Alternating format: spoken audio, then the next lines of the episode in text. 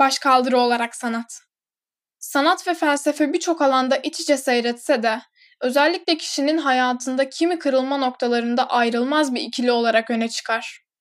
Bu kırılma noktalarından ilki, varoluşçu filozofların tanımladığı şekilde dünyaya fırlatılmış kişinin hayatının bir noktasında yaşantısını tamamen ele geçirmiş monotonluğun, kutsallaştırılmış değerler gibi sahte anlamların ve boşunalığın farkına vardığı andan itibaren tüm dekorun yıkılmasıyla gerçekleşir.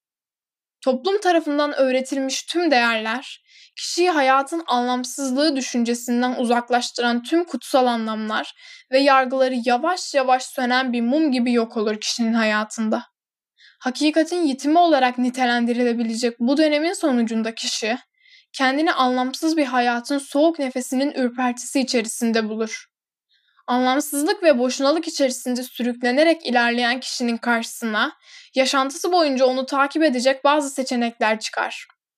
Birçok filozofa göre bireyler ilk olarak bu dünyadaki yaşantısını sonlandırma yönünde kurtuluşu arar.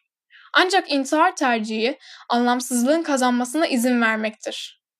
Bir diğer yol olarak doğrunun önüne bir perde çekip bireyin kendi kendisini inşa etmesini engelleyecek olsa dahi toplumun öğrettiği sahte değer yargılarının hayatını anlamlandırmasına izin vermek görünür. Ancak bu da bir nevi felsefi intihara yol açar ve ilk seçenekte de olduğu gibi anlamsızlığın kazanmasına izin vermekten başka bir şey değildir. Son seçenek Albert Camus'un tabiriyle başkaldırıdır. Bu başkaldırı da ancak sanat ile mümkün olabilir. Bireyin hayatında sanat ve felsefenin kesişimi açısından en net örnekler bu seçimden sonra koparılamaz bir şekilde süre gelecek olan beraberliğin peşi sıra gelir.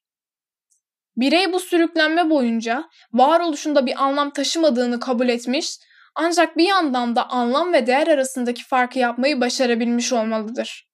Özünde bir anlam taşımamakla birlikte özünü ve yaşantısını değerli kılıp kılmayacak olan kendisidir.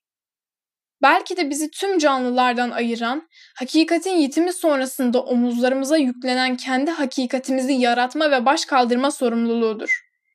Birey bu sorumluluğu üstlenebileceği sürece bir yerlerde gerçeğin farkında olsa dahi sahte anlamlar içinde sürüklenmekten veya anlamsızlık için boğulmaktan kurtulabilir.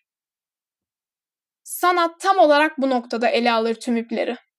En ufak bile olsa her bir alanında yaratıcı edinimin kullanılabildiği sanat, kişiyi sahte anlamlardan kurtarıp bizzat kendi elleriyle ve yaratıcı güdüsüyle gerçek değerler yaratmaya yönlendirir. Anlam taşıyan hiçbir şey yoktur belki. Ancak her şey değerli kılınabilir ve bu yolda kişinin yanında en büyük yoldaş sanattır.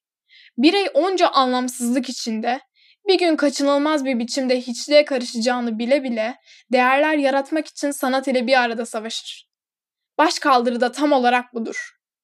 Anlamsızlığa karşı sanatın ve insanın yaratıcı gücü ile verilen mücadele. Sanat ve baş kaldırı ancak son insan ile birlikte ölecektir. Albert Camus Berat Efe Özgen